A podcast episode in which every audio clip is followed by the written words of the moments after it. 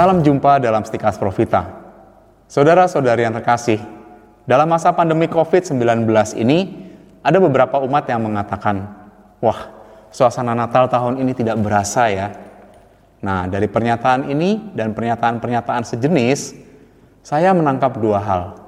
Pertama, persiapan Natal tahun ini terganggu dengan pandemi COVID-19 karena membuat kita sulit untuk pergi membeli ini, pergi membeli itu sebagai persiapan Natal. Kedua, ada kekhawatiran sekaligus kekecewaan bahwa mungkin tahun ini tidak bisa merayakan perayaan Ekaristi malam Natal ataupun Hari Raya Natal di gereja. Nah, kedua hal ini sih sah-sah saja ada dalam hati dan pikiran kita.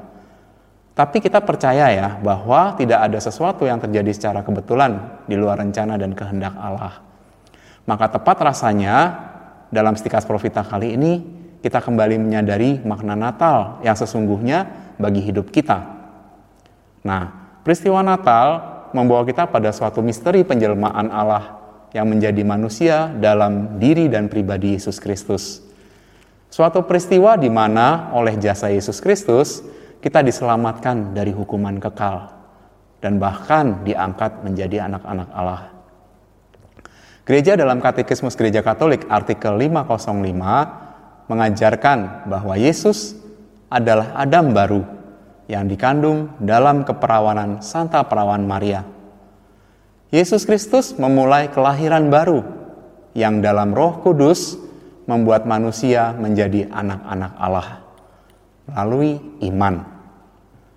Maka bila Adam sebagai manusia pertama membuat manusia jatuh dalam perhambaan dosa, Yesus justru menjadi gambaran Adam yang baru yang membawa kita yang percaya menjadi anak-anak Allah melalui iman. Nah, pertanyaannya yang muncul sebagaimana Bunda Maria bertanya kepada malaikat Gabriel dalam Lukas 1 ayat 34, bagaimana hal itu mungkin terjadi? Injil Yohanes 1 ayat 13 menjelaskan bahwa pengangkatan kita sebagai anak-anak Allah adalah suatu keikutsertaan dalam hidup ilahi. Jadi bukan dari darah atau dari daging. Bukan pula secara jasmani oleh keinginan seorang laki-laki, melainkan dari Allah, yaitu di dalam Roh Kudus. Oleh karena itu, jika peristiwa Natal hanya dikaitkan dengan persiapan lahir atau fisik seperti misalnya lengkapnya pernak-pernik atau hiasan Natal, lengkapnya kue-kue Natal, pakaian baru, perjamuan makan yang istimewa, apalagi dengan pesta pora, ya maka peristiwa Natal tidak akan membawa kita pada damai Natal. Peristiwa Natal tidak akan membawa kita pada suatu sukacita yang sejati. Pada suatu sukacita karena menyadari bahwa keselamatan dibawa melalui kelahiran Tuhan Yesus Kristus itu dialamatkan kepada kita, kepada saya dan kepada Anda. Nah, maka sukacita dan damai Natal hanya akan kita alami pertama-tama di dalam batin kita masing-masing. Nah, kalau gitu persiapan seperti apa? Persiapan batin seperti apa yang harus dilakukan? Mari kita renungkan sama-sama. Pertama, kita coba sadari bahwa kita ini lemah dan mudah jatuh dalam dosa. Tanda dari adanya dosa adalah kecenderungan kita untuk mudah merasa tersakiti, mudah terasa terluka oleh siapa saja, oleh orang tua, oleh anak, oleh suami, oleh istri, atau sesama yang lain. Dan juga tanda bahwa ada dosa adalah kita dengan mudah menyakiti orang lain juga. Entah karena dendam, entah karena iri hati. Dan tanda besar dari adanya dosa adalah keputusasaan yang menjadikan kita semakin larut dalam dosa dalam keadaan itu tentu kita akan kehilangan damai sejahtera, kehilangan harapan, dan akhirnya ya dapat sampai pada keputusasaan besar. Berpikir bahwa Tuhan itu tidak peduli, bahwa mungkin pun Tuhan tidak ada. Dosa besar kan? Nah, oleh karena itu dalam mempersiapkan perayaan Natal ini, kita diajak untuk menyadari bahwa Yesus Kristus, Allah yang Maha Kuasa, mau datang dan menjelma menjadi manusia supaya kita selamat. Tanda bahwa kita diselamatkan adalah bahwa kita tidak kehilangan pengharapan. Sekali lagi, tanda bahwa kita diselamatkan adalah bahwa kita tidak pernah kehilangan pengharapan.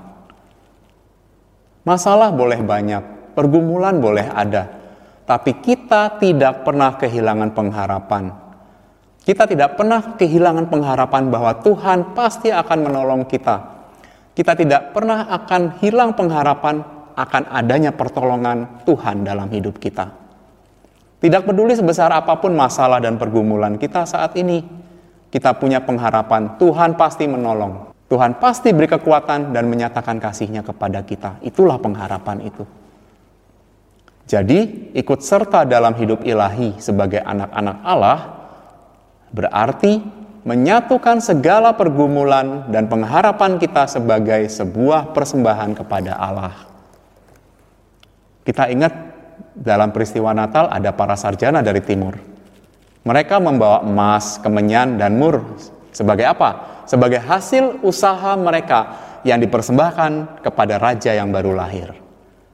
Nah, kita juga mau mempersembahkan seluruh perjuangan hidup kita, pergumulan hidup kita, permasalahan-permasalahan kita, dan terutama apa? Pengharapan kita kepada bayi Yesus yang akan kita peringati kelahirannya dalam perayaan Ekaristi Natal, entah secara langsung maupun secara online. Maka, dalam mempersiapkan batin kita dalam perayaan Natal ini, kita sama-sama berdoa.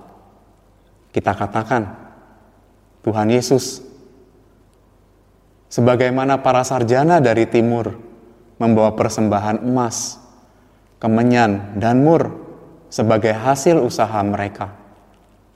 Saya juga mau mempersembahkan seluruh pergumulan, permasalahan, dan pengharapan saya sebagai hasil usaha saya untuk tetap beriman kepadamu.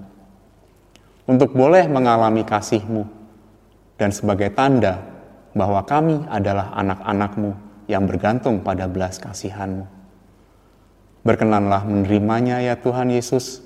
Amin.